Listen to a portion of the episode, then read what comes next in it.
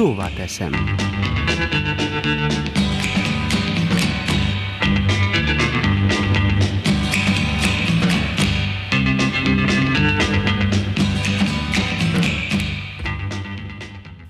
Ma gyújtottuk meg a negyedik gyertyát az adventi koszorún. Nézem fényét. Már egy ideje lezárt községhatárok, mozgáskorlátozások, fertőzések, elhalálozások, nyomasztó hírei hallattán, négy fal között. A koronavírus helyzet miatt az egészségügy az összeomlás szélén áll.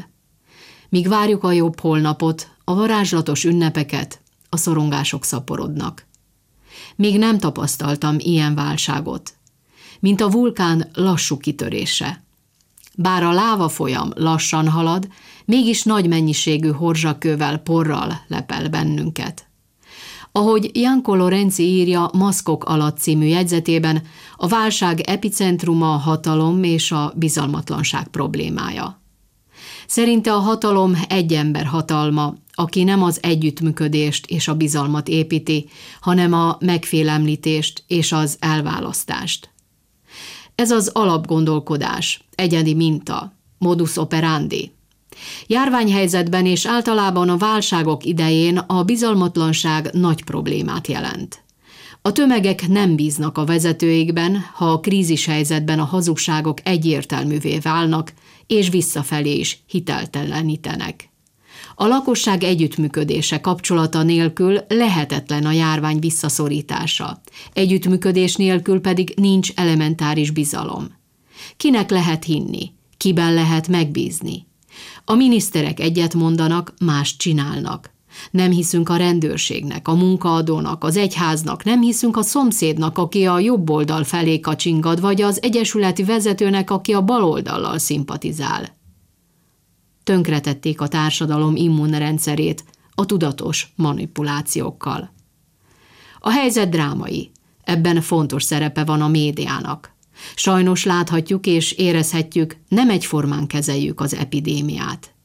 Mindenképpen a járványról többet szakszerűen, igazat mondva kell tájékoztatni, rámutatni a hiányosságokra, mulasztásokra, de ugyanakkor jó példákkal is szolgálni, megnyugtatni az embereket, mert végtagjaink zsibbadnak.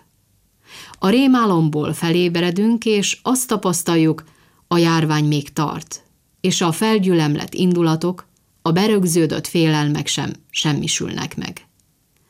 Nézem a gyertyafényt, és a varázslatos karácsonyt várom. Ilyenkor még nagyobb szerepet kap a megbocsátó segítőkészség, a jóvátételre való törekvésünk. Örülök annak, hogy az emberek többségében megmaradt a jószívűség, az értékkövetés.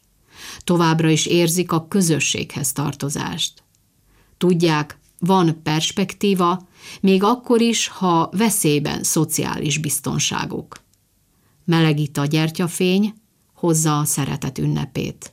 Talán a bizalom is visszatér.